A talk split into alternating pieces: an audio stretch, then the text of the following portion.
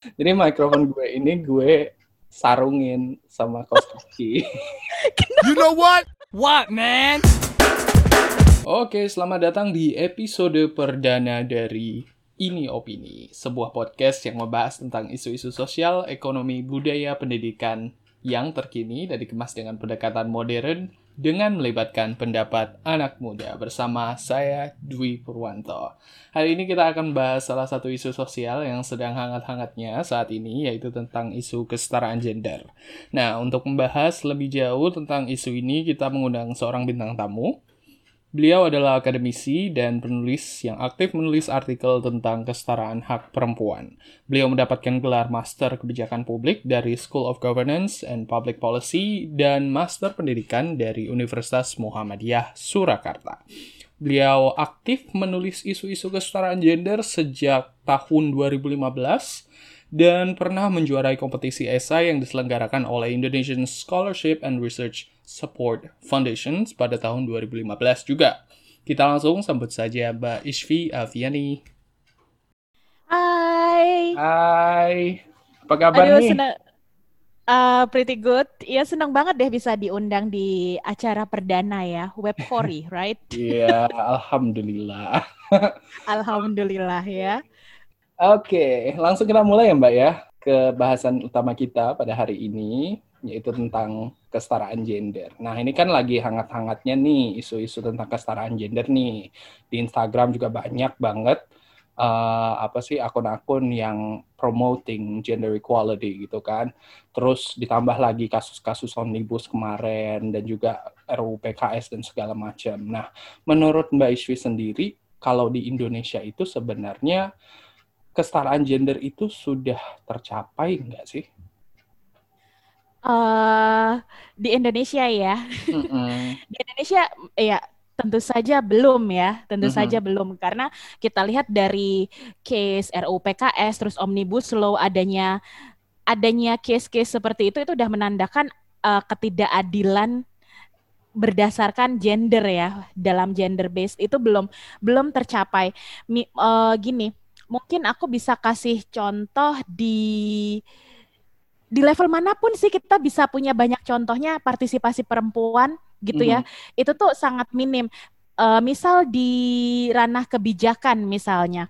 Nah, perempuan yang men, apa menempati level-level strategis di kebijakan di apa namanya sebagai pemangku kebijakan itu udah banyak belum gitu. Atau lihat deh kuota 30% di apa namanya di legislatif tuh udah udah kesam udah tercapai belum gitu loh. Kita lihat lagi.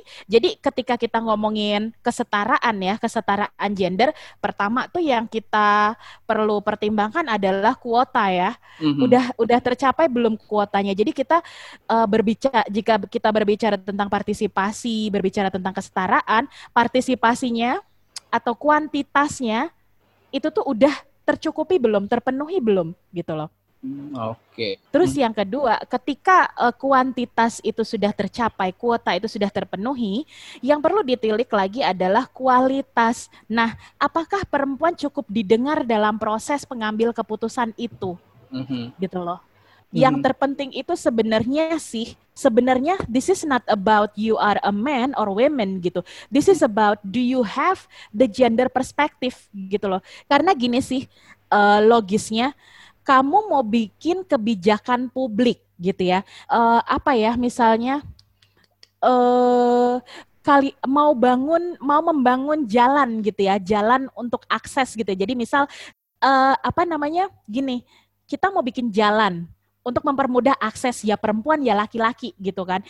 Tapi tuh dalam proses apa sih mempertimbangkan gimana gimananya jalannya ini mau kita konsep kayak apa, mau kita bangun kayak apa, itu tuh yang ada dalam percakapan tuh cuma cowok semua dan perempuan nggak dilibatin, gue rasa itu nggak logis gitu loh. Hmm. Jadi bagaimana kamu bisa mencapai kesetaraan gender, mencapai keadilan bahwa jalan ini bisa dinikmati oleh laki-laki, perempuan, anak-anak, dan mungkin juga uh, difabel kalau kamu enggak mengajak mereka untuk berpartisipasi dalam urun pendapat, dalam urun rembuk itu sendiri gitu loh. Hmm. Jadi itu nonsens gitu. Jadi kenapa sih pentingnya perempuan itu berpartisipasi dalam uh, kebijakan dalam audiensi yaitu tadi supaya uh, para pemangku kebijakan itu dengar ini loh kekurangan kita, ini loh kekurangan uh, apa namanya keluhan kita sebagai perempuan kayak hmm. gitu. Jadi uh, apa namanya itu pentingnya itu bisa dilihat dari situ. Atau mungkin dari aku bisa kasih contoh ya. Ini contoh yang pernah aku alami. Jadi waktu aku kuliah S2 kebijakan publik kan kampus kita itu di gunung ya. Mm-hmm. Jadi itu uh, aku dan teman-teman jadi saat itu aku mau makan siang, mm-hmm. aku dan dua orang teman aku. Dua orang teman aku itu laki-laki. Jadi itu karena kita nggak mau ngambil jalan yang biasa, kita ngambil jalan pintas dan itu lewat kayak mungkin woods ya bisa dibilang woods kayak hutan kecil gitu. Nah, di hutan kecil itu kan shortcut kita kayak menerabas hutan kecil ya woods gitu terus ada kayak uh, siring ya. Apa sih namanya? Comberan aduh kasar sekali ya comberan. ya udahlah. Apa ya, ya Dwi namanya? Ya udahlah ya. Siring ya saluran air gitu ya. Nah, kedua teman saya laki-laki melewati saluran air tuh gampang aja gitu kan hmm. karena mereka memang sudah terbiasa gitu secara teknis mereka tahu sedangkan saya saya kesusahan ya di situ saya main saya doubting juga sih ya maksudnya kayak second guessing gitu jadi saya ngambil ancang-ancang tuh kelamaan sehingga uh, ada salah satu teman saya kayak ngulurin tangannya ayo sini gitu padahal sih sebenarnya saya bisa aja nah kayak gitu loh. Jadi maksud aku tuh akses ya buat perempuan gitu. Jadi nggak hmm. mungkin kan kamu membangun jalan terus ada siringnya di mana gitu. Itu akan yeah. itu iya. akan bikin perempuan susah gitu loh. Itu hmm. itu hal yang paling deket yang bisa aku jelasin gitu. Jadi itu masalah akses jalan. Apakah jalan ini menyusahkan buat perempuan? Apakah ini menyusahkan apa sih perempuan dengan perempuan dengan bawa anak misalnya? Hmm. Apakah ini menyusahkan uh, difabel misalnya? Hmm. Atau mungkin ya kalau uh, pengalaman kita ya Dwi ya di Depok gitu kan mm-hmm. kita tahu ada jembatan aborsi ya. Nah, itu jembatan dengan dengan anak tangga yang sangat tinggi, itu tuh kalau perempuan hamil gimana mau nyebrang gitu kan. Terus kalau lansia gimana mau nyebrang, perempuan bawa anak gimana mau nyebrang. Nah, jadi tuh hal-hal yang seperti ini gitu loh. Ini kayaknya sih remeh-temeh gitu ya. Cuma esensi dari pembangunan, pembangunan itu kan harusnya humanis ya, iya. humanis yeah. gitu loh.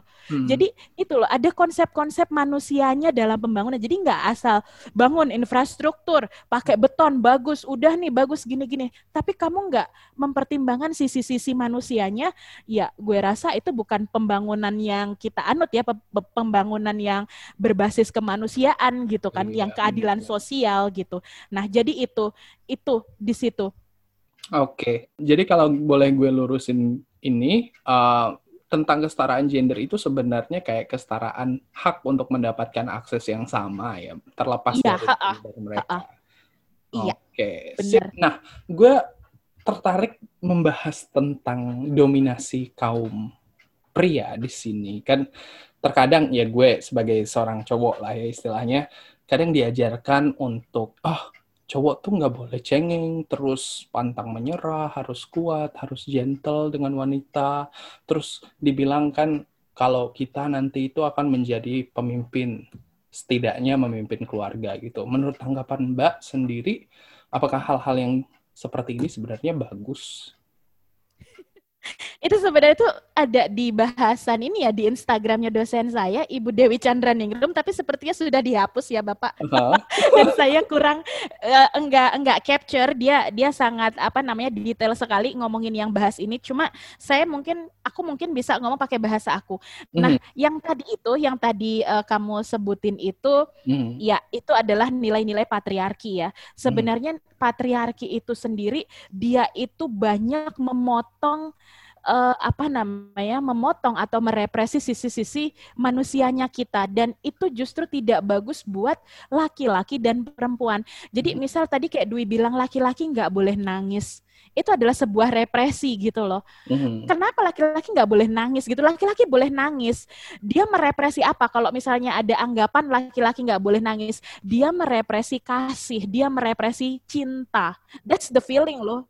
Iya kan? Pas gue kecil itu kan kayak ya yang namanya main gitu kan jatuh. Jatuh kan sakit kan biasanya ya, kan. uh. kadang tuh saking kayak di dalam diri nggak boleh nangis nggak boleh nangis nggak boleh nangis gitu. Jadi kayak merasa bodoh sendiri.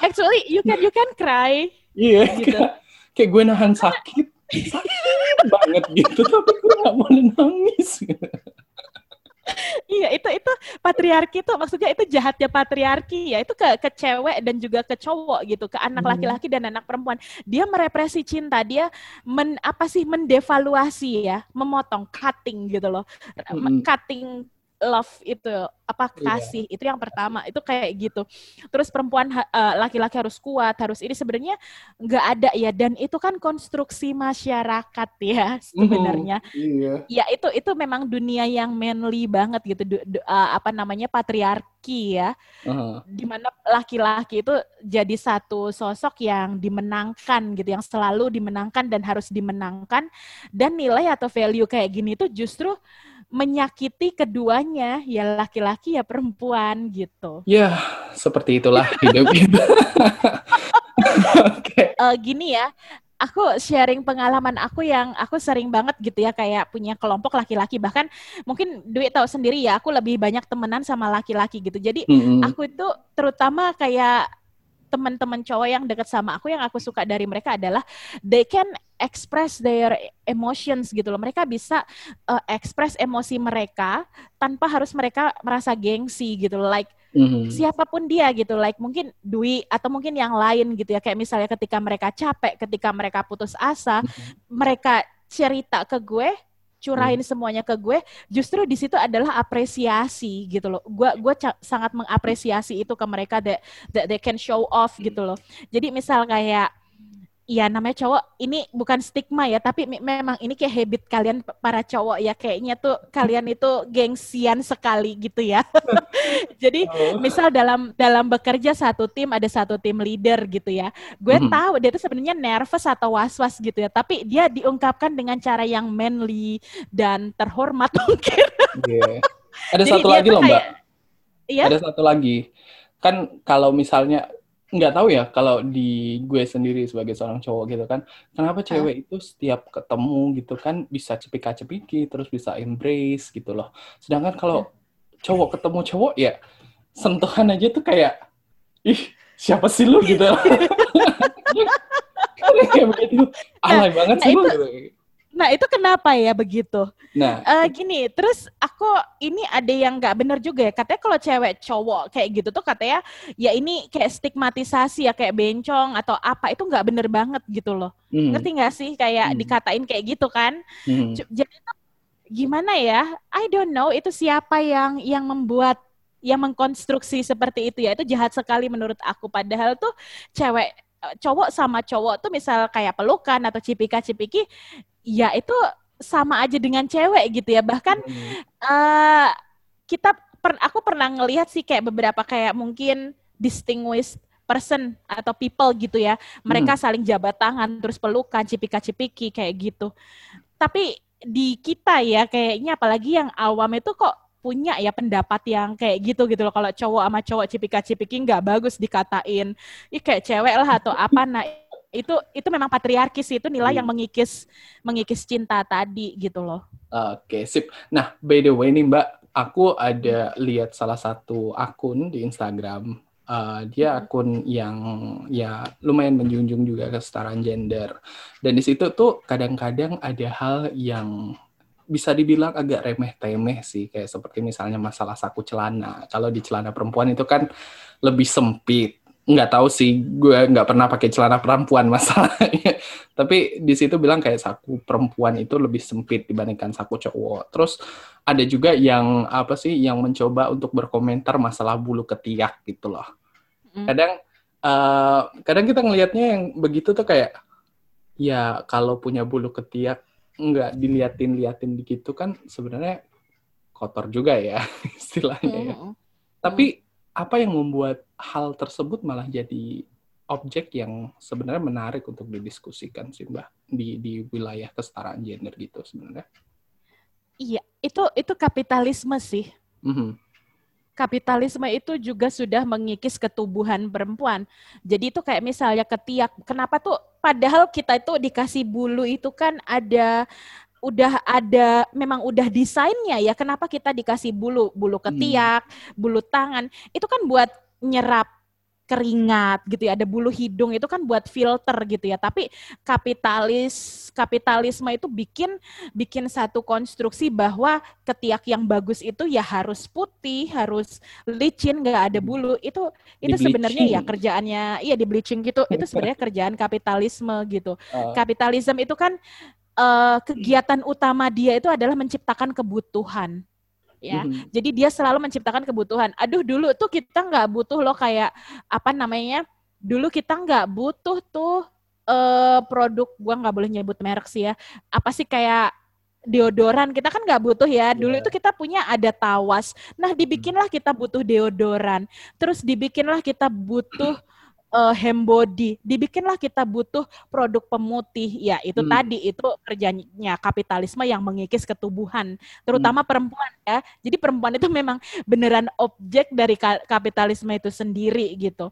Ya. Uh, itu sih kalau yang dari bulu ketiak harus ini kenapa perempuan harus apa namanya uh, bersihin bulu ketiak? Sebenarnya yang nggak harus juga itu bagi mereka yang mempercayai itu itu kebagian dari kebersihan yang mereka melakukan itu gitu. Tapi not all the women do that gitu ya. Karena terus kalau soal pocket saya aku justru baru tahu loh ada perbedaan kantong cewek nah, sama cowok. Juga baru tahu.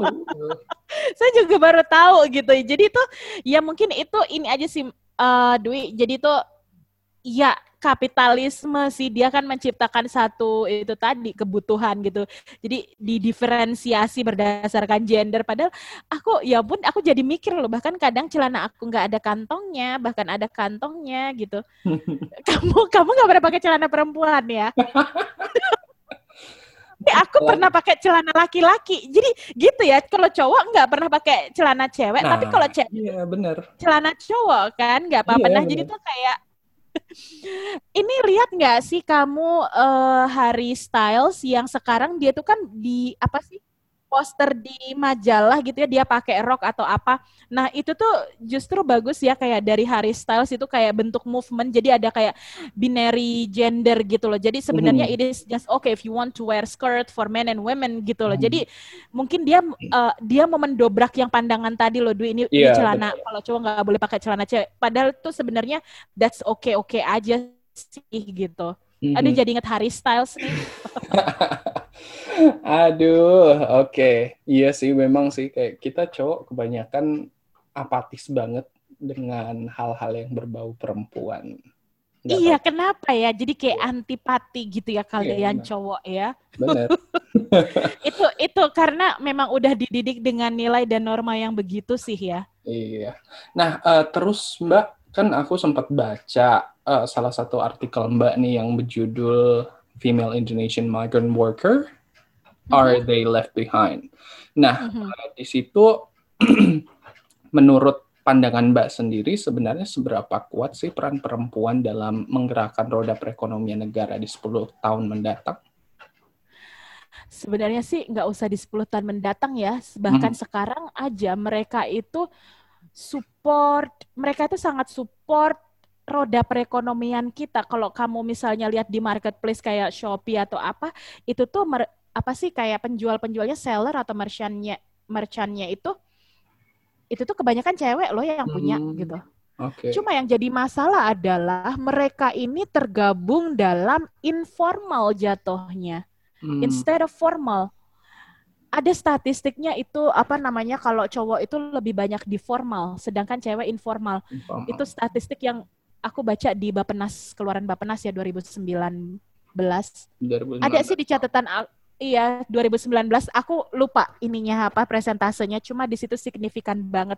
Jadi tuh uh, gini, uh, kalau dari feminisme itu namanya domestifikasi perempuan ya. Mm-hmm. Jadi uh, aku bisa tarik ke domestifikasi perempuan dari pekerjaan yang informal itu. Mungkin Dwi pernah tahu home workers ya hmm Ada misal di salah satu desa dia tuh pengrajin batik gitu. Pengrajin batik misal Dwi juar, juragan batik, terus aku perempuan, aku ngambil batik dari Dwi 10 potong untuk aku ja, aku jahit di rumah. Mm-hmm. Ya, satu potongnya itu upahnya seribu. Jadi kalau aku ngambil 10, aku dapat sepuluh ribu gitu loh. Mm-hmm. Nah, pekerjaan ini home worker home worker ya, ini bukan domestic worker. Beda kalau domestic worker itu yang ada asisten rumah tangga. Itu asisten rumah tangga. Tapi kalau ini home worker adalah pekerja rumahan. Nah, home workers ini aku kerja di rumah. Ya. Mhm. Terus aku dapat upah 10 ribu. Nah, ini ya di mata kapitalisme ini adalah hal bagus karena me, apa turut menggerakkan roda ekonomi.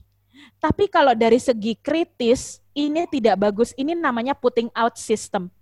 Jadi tuh mempabrikan perempuan-perempuan di rumah-rumah Hmm. Agar apa? Agar mereka nggak perlu kasih BPJS, apa sih itu namanya asuransi. Hmm. Terus mereka nggak perlu kasih logistik kayak makan siang gitu kan.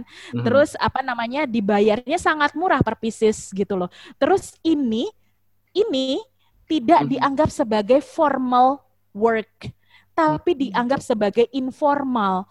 Jadi tuh kalau perempuan bekerja itu tuh mereka nggak pernah dianggap mereka bekerja seperti laki-laki bekerja, mm-hmm. tapi mereka tuh dianggap sebagai membantu assisting financial gitu loh, assisting finance gitu, mm-hmm. instead of earning gitu loh. Jadi mm-hmm. ada seperti itu. Jadi karena kamu perempuan, posisi kamu perempuan, kamu selalu apa namanya, apa pun yang kamu lakukan, partisipasi kamu itu nggak dianggap Walaupun hmm. sebenarnya kamu iya. beneran-beneran kayak iya berpartisipasi loh. Kayak aku ngejahit batiknya si A, si B, si C. Mm. Atau mungkin gini, ada pengalaman ya, ini pengalaman banget. Jadi aku kan habis dari Margo tuh. Yeah. Terus itu kan dari Margo, terus tuh aku pernah sekali gitu tuh naik angkot jarang banget ya. Tapi ini naik angkotnya bukan sama Dwi, ini aku sendiri. Kan aku pakai sepatu Nike ya. Terus ada ibu-ibu bilang, e, Mbak itu uh, sepatunya saya loh yang yang jahit gitu. Oh iya Bu. Terus gue nanya, Mantap. satu satu pasang sepatu itu Dwi hanya dibayar 2.500 padahal kita kalau beli satu juta lebih ya. Dan punya gue tuh waktu itu 2 juta something gitu loh. Dan dia itu tuh ngejahit 2.500 dan kalau jahitannya itu melenceng sedikit Dwi, itu harus mereka harus revisi gitu loh. Harus dibenerin. Bayangin. Itu kayak gitu loh kapitalisme mempabrikan orang-orang di rumah gitu. Jadi sebenarnya pekerja rumahan yang seperti itu itu bukan something good gitu loh. Mm-hmm. Itu perlu dikritisi. Itu menurut gue eksploitasi banget. Mm-hmm. Namanya putting yeah. out system, home worker. Nah, ini ini tuh belum ada badan hukumnya, belum dan susah banget karena mereka itu hidden gitu loh. Susah banget untuk di apa namanya ditarik satu ditarik satu tali untuk dibikin kebijakan. Ada sih ratifikasi, apa namanya, ada sih ILO untuk home workers, tapi perjalanannya kayaknya sampai sekarang belum diratifikasi yang ILO untuk home workers ini. Nah hmm, itu, hmm. Okay. itu hmm. posisi perempuan tuh gitu. Jadi dia itu sebenarnya sudah partisipasi sejak lama, tapi partisipasinya ini nggak dianggap. Kenapa? Karena dia di adanya stigma bahwa mereka itu bukan kepala keluarga. Mereka tuh hanya membantu finansial suami itu yang pertama. Yang kedua adanya domestifikasi gitu. Mm -hmm. Terus kalau di relate ke tulisan aku yang ke ini ya perempuan pekerja migran. Nah, di sini itu mereka itu kan sebenarnya uh, apa memberikan devisa ya, iya, devisa benar, dari kiriman uang luar negeri itu loh, remitansi itu. Iya. Nah, tapi tuh yang terjadi adalah ya, yang terjadi adalah uh, dari migrasi itu itu juga ada efek feminisasi migrasi. Jadi misalnya uh, lebih banyak perempuan yang dikirim keluar dan mereka itu menjadi uh, domestic worker di situ tetap hmm. ada domestifikasi lagi hmm. dalam kerjaan gitu loh okay. itu terus uh, jadi, kemarin jadi itu kayak mm, jadi kayak uh, perempuan ini jadi korban kapitalisme juga terus juga ya, uh, mm-hmm. btw sebelum kita lanjut nih um, ini kan kita banyak bicara tentang uh, ketidakadilan terhadap kaum perempuan, tapi di beberapa maksudnya kayak di beberapa kalangan terkadang kan eh, isu-isu tentang kesetaraan gender ini apa sih banyak dipandang sebagai sesuatu yang nonsensical kan gitu kan mm-hmm. terutama bagi para pria karena mereka mm-hmm. bagi gue dulu ya sebelum gue apa tahu mm-hmm. banget dan belajar lebih banyak bagi gue sendiri itu kayak pergerakan tentang uh, kesetaraan gender ini malah justru kebanyakan yang di online-online itu pada ngeframe kaum pria ini menjadi kaum yang egois, terus antipati, rakus gitu loh. Nah, menurut Mbak sendiri sebenarnya uh, apa sih bagaimana sih seharusnya kita mengambil sikap terhadap apa sih isu-isu yang sebenarnya ingin disampaikan dari apa sih namanya dari kesetaraan gender ini jangan sampai nantinya kan kayak malah justru menganggap dirinya egois terus antipati dan lain-lain gitu. Oke, okay, bagus sih pertanyaannya ya. Jadi itu sebenarnya kayak yang uh, inti dari uh, feminisme itu kan melawan patriarki, nilai-nilai patriarkinya. Jadi kita tuh hmm. sebenarnya nggak melawan cowoknya gitu loh. Karena balik lagi ke awal tadi kan nilai-nilai patriarki itu kan mengikis cinta ya. Iya. Jadi tuh itu merugikan merugikan nggak laki-laki yang nggak perempuan. Dan hmm. kalau mau ditanya goalnya feminis itu apa? Keadilan. Keadilan buat siapa? Ya buat laki-laki dan buat perempuan. Jadi sebenarnya itu maksud kesetaraan. Jadi bukannya kita benci laki-laki. Oke. Okay. Cuma mungkin Cuma mungkin ada begini ya uh, kayak yang Dwi pas di awal gitu kan apatis gitu apaan sih ini feminis gitu apa sih yang mereka perjuangkan hmm, gitu bener. kadang memang ada standpoint standpoint kita mungkin hmm. terutama gue yang uh, bikin apa namanya yang membuat itu terkesan seperti kita benci laki-laki gitu ya mungkin ada yang seperti itu hmm. misal gini Dwi aku itu sangat menolak panels ya men panels jadi hmm. jika ada satu forum atau diskusi isinya perempuan, isinya laki-laki semua, nggak ada perempuannya, gue nggak mau nonton. Hmm. Itu itu yeah. itu statement dari gue. Kalau dalam satu forum isinya cowok semua dan gue diminta sebagai moderator, gue nggak mau terima hmm. Gitu. Sekarang gini, alasan lu nggak ngajakin cewek dalam forum itu apa? Oh, nggak sesuai kapasitas. Oke, okay sebentar Bapak beneran nggak nggak ada perempuan yang sesuai dengan kapasitas. Mm-hmm. Bapak mau ngomongin apa? Mau ngomongin tentang ekologi atau apa? Coba di track back deh. Apa namanya uh, banyak kok perempuan expert-expert women and development di women and development itu banyak banget. Mm-hmm. women in, in ekologi banyak banget cuma situnya aja nggak mau ngajakin kita gitu kan.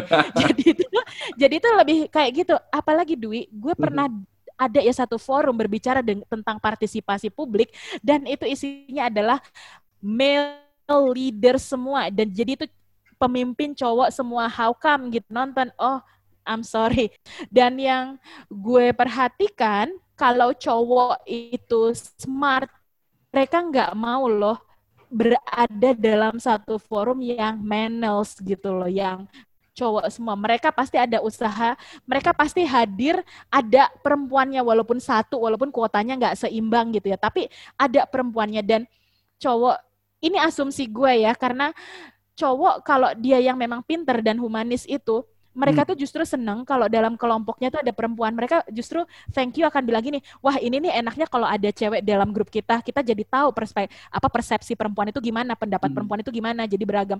Mereka akan seperti itu gitu loh. Cowok hmm. yang dengan apa sih well knowledge ya atau well yeah. well read lah gitu. Jadi intinya gitu. itu kayak kesetaraan gender ini tidak memihak salah satu sisi sebenarnya ya. Kayak iya. Kedua sisi Bener. diuntungkan dari uh, isu-isu tentang kesetaraan gender. Jadi bagi para kaum pria jangan lagi merasa tersisihkan atau jadi merasa kayak penjahat sendiri. Karena gue juga nggak bisa benci laki-laki jujur sih kayak acik.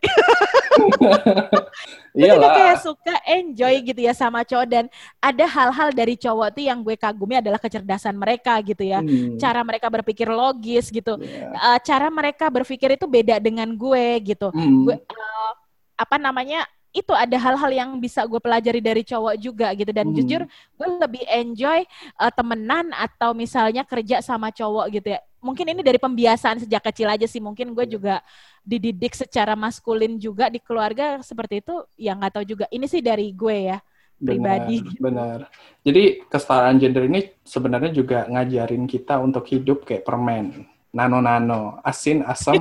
Bener. Jadi kalau asin doang, cowok semua gitu kan? Iya kan nggak enak ya, ya gak enak, gitu. benar. Jadi hidup harus ada manis-manisnya. Iya benar. Life is never flat lah. Jangan flat-flat banget Cuma, lah.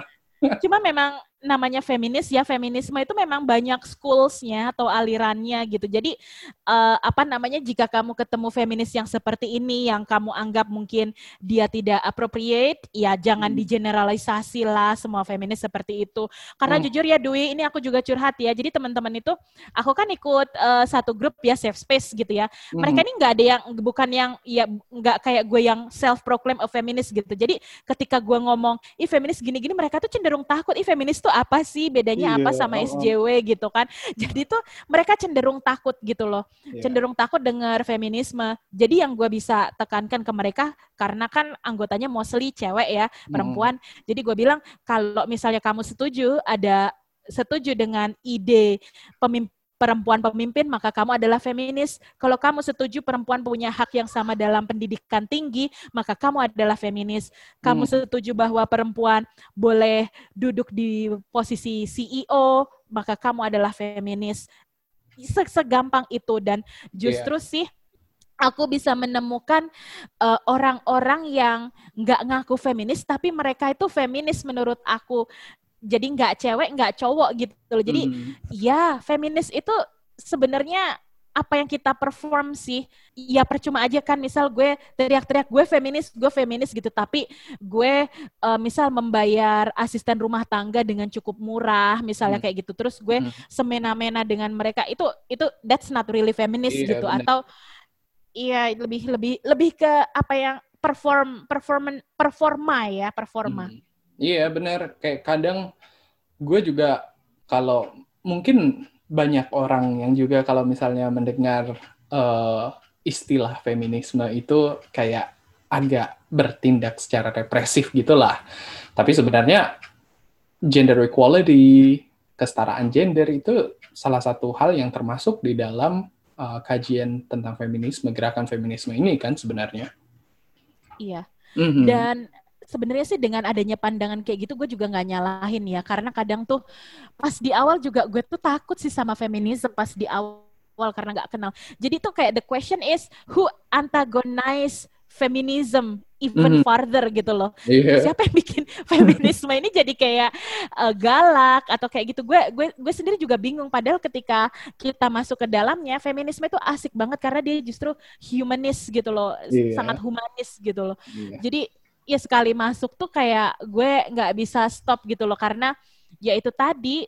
Tapi nggak tahu kenapa ya kok kayak kalau feminis tuh stigmanya begitu. I don't know who antagonized it further gitu. I don't know.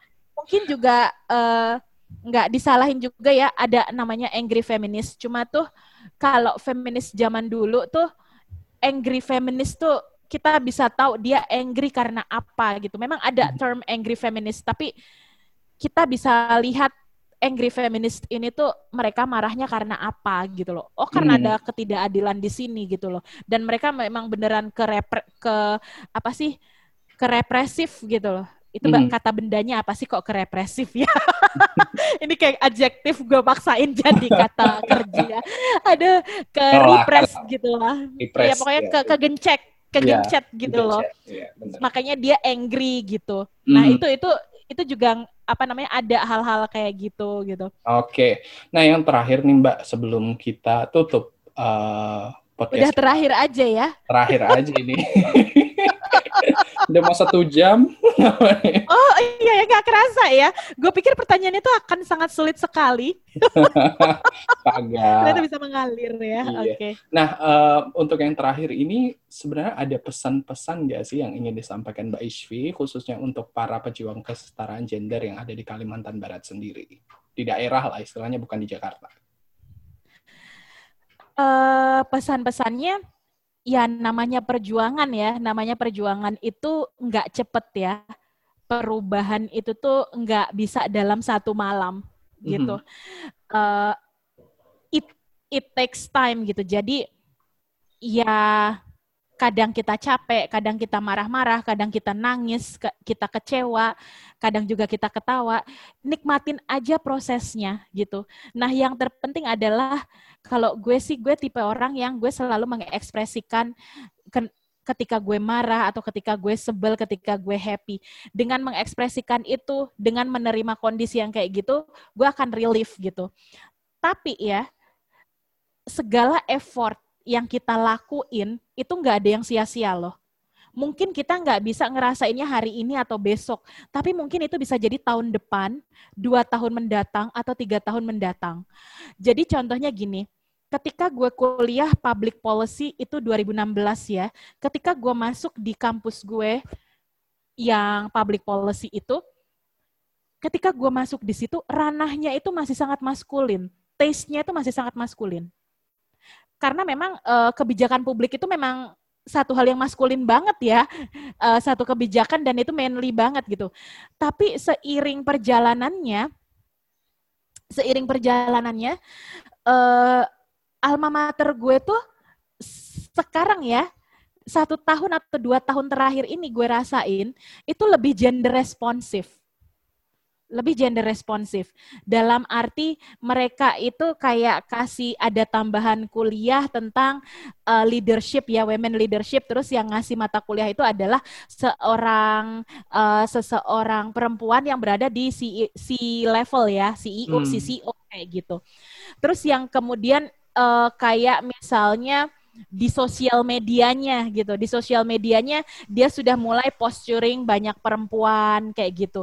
Nah, hmm. terus tuh uh, kayak students intake yang batch terakhir ini banyak perempuannya. Jadi 57% perempuan 43 laki-laki, if I'm not mistaken ya, atau 53 perempuan, 47 laki-laki, lupa saya. Pokoknya banyakkan perempuan dikit. Jadi tuh uh, apa ya? Uh, perubahan itu pasti akan ada walaupun nggak cepet. Dan yeah. aku tuh sangat senang sekali ketika misal orang-orang di kampus tuh datang ke aku nanyain pendapat gimana sih caranya mendesain satu forum ketika ngomongin ini siapa aja yang enak diginiin, yang enak diundang, ada komunikasi, mereka minta pendapat kayak gitu tuh mm. udah udah mulai muncul gitu loh. Nah, terus ketika orang datang ke gue kan Dwi, lo kan udah pasti siap dengan udah pasti siap dengan sebuah desain yang sesuai dengan gue kan. Ketika mm. lo datang ke gue, lo pasti minta satu konsep feminisme, lo pasti minta satu konsep women's empowerment gitu. Mm. Kenapa? Karena itu statement gue. Karena lo bisa lihat di Instagram gue atau di apa gue gue statement gue ya kayak gitu gitu loh. Mm. Itu orang udah pasti punya uh, apa mindset seperti itu. Jadi gue senang aja kalau gue dilibatin dalam sebuah uh, percakapan gitu loh. Mm-hmm. Jadi uh, itu yang gue rasain. Uh, maksudnya apa ya? Itu gue senang banget gitu dengan perubahan. Perubahan itu mungkin tidak masif ya, tidak mm-hmm. massal, tapi setidaknya perubahan itu bisa ada di tempat kita sendiri, yeah. gitu, di tempat Berarti kita kayak, sendiri. Berarti kayak mulailah dari hal-hal yang kecil sebenarnya yeah. dan konsisten gitu loh. Jangan yeah. apa sih uh, kena angin kuat dikit tumbang gitu terus nggak ya, mau bener, lagi bener. ngelakuin iya sih bener. karena kadang tuh laki-laki itu nggak tahu gitu loh nggak hmm. tahu masalah cewek itu apa karena iya, aku pernah ya di di kementerian gitu ya hmm. kan aku uh, apa namanya presentasi paper nah itu tuh orang kementeriannya bilang masalah kamu ini apa sih gitu. karena memang mereka nggak tahu awalnya aku pikir mereka ngejek gitu ya ternyata yeah. memang mereka nggak tahu ketika aku yeah. sampein masalahnya gini ya ada atau hmm. mungkin kan aku kan negara podcast juga ya hmm. uh, aku boleh nyebut nama gak sih ini bukannya saingan ya nggak apa-apa ya Dwi ya jadi ada apa, apa uh, mungkin bisa Oke, okay. uh, oke, okay, gue ganti deh ini nanti diedit. Jadi misal ada satu percakapan gitu ya, aku pernah lihat satu percakapan antara uh, distinguished person ya, dia laki-laki hmm. dan yang satunya politisi perempuan. Jadi hmm. yang laki-laki ini nanya, ibu sebenarnya masalahnya apa sih perempuan kenapa mereka bisa tertinggal. Mm. Nah, kemudian politisi perempuan ini bilang, "Begini loh Bapak, akses terhadap informasi untuk perempuan itu masih sangat sulit sekali. Entah kenapa ya informasi itu sampai ke perempuan itu tuh lambat banget sampainya. Hmm. Nah terus si si bapak ini nanya kan, masalahnya kenapa ya bu?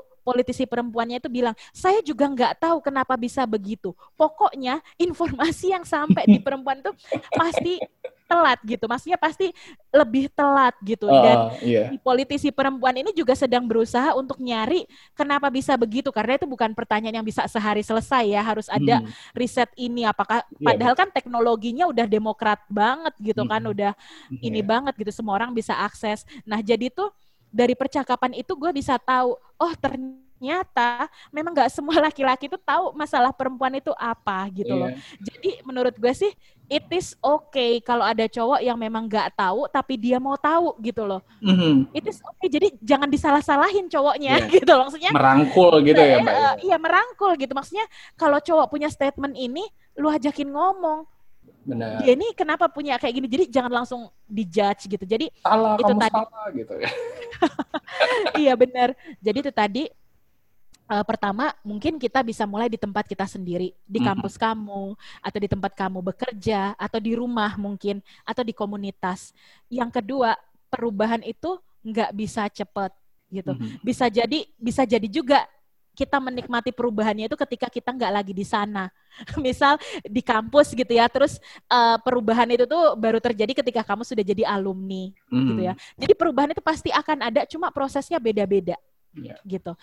Terus yang ketiga adalah kita harus sadar bahwa setiap orang itu kan datang dari pengalaman yang berbeda.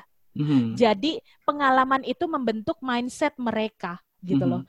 Dan itu balik lagi ke tadi, mungkin kalau ada cowok yang cenderung mansplaining ya istilahnya, mungkin Mhm. karena memang dia belum tahu gitu. Ada baiknya kita tanyain gitu, Mhm. biar ada komunikasi. Iya. Itu yang ketiga, tiga hal itu. Oh. Dan aku juga mau disclaimer ya, pandangan feminis aku yang aku sampaikan di sini itu juga berdasar pada pengalaman aku sehari-hari gitu, berdasarkan pengalaman sehari-hari, berdasarkan didikan dari environment atau ekosistem aku. Dan hal ini akan berbeda jika kamu eh, berbicara ke feminisme lain gitu. Nah ini juga mungkin aku bisa kayak meluruskan gitu ya, kenapa ada feminis yang kayak gini, kenapa ada feminis sebenarnya sih ada dua polarisasi ya feminis yang antagonize eh, angry feminis yang dianggap angry feminis Iya, sama benar. chill feminis gitu ya Ah.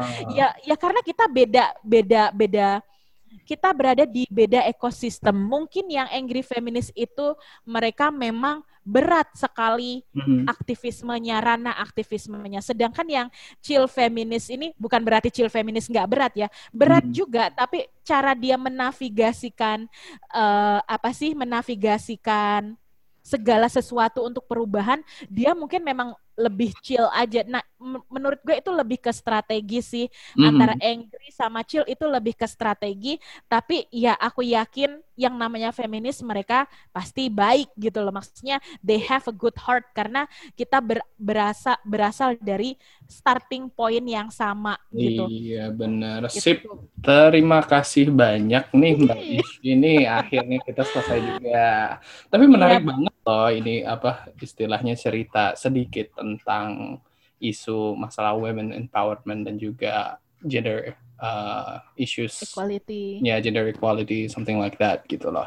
Oh iya, bagi kalian yang ingin mendengar podcast-podcast lainnya, silahkan ikuti Instagram kami di @webcoris.research. Sekali lagi @webcoris w e b c o r y s dot research. Dan juga bagi kalian yang ingin tahu lebih banyak, mau kepo-kepoin tentang Mbak Ishvi, bisa ikuti di Instagram at Ishvia I S Y F I A. Terima kasih uh, udah Iya. mau diundang. Nanti kalau misalnya ada kesempatan lagi, mungkin di kemudian hari untuk membahas tentang hal yang lain, mungkin kan uh, Iya, boleh. boleh lagi. boleh. Iya. Sip kalau Iya. begitu. Terima kasih ya, Mbak. Kalau iya Ya, apa? Gimana? enggak sih kalau bisa sih jangan sendiri ya, maksudnya di ada temennya juga, jadi bisa Iya, ada diskusi. Sip. Lu capek ya Dwi ya. Sip. Kasih banyak ya, Mbak. Oke, bye bye. Bye.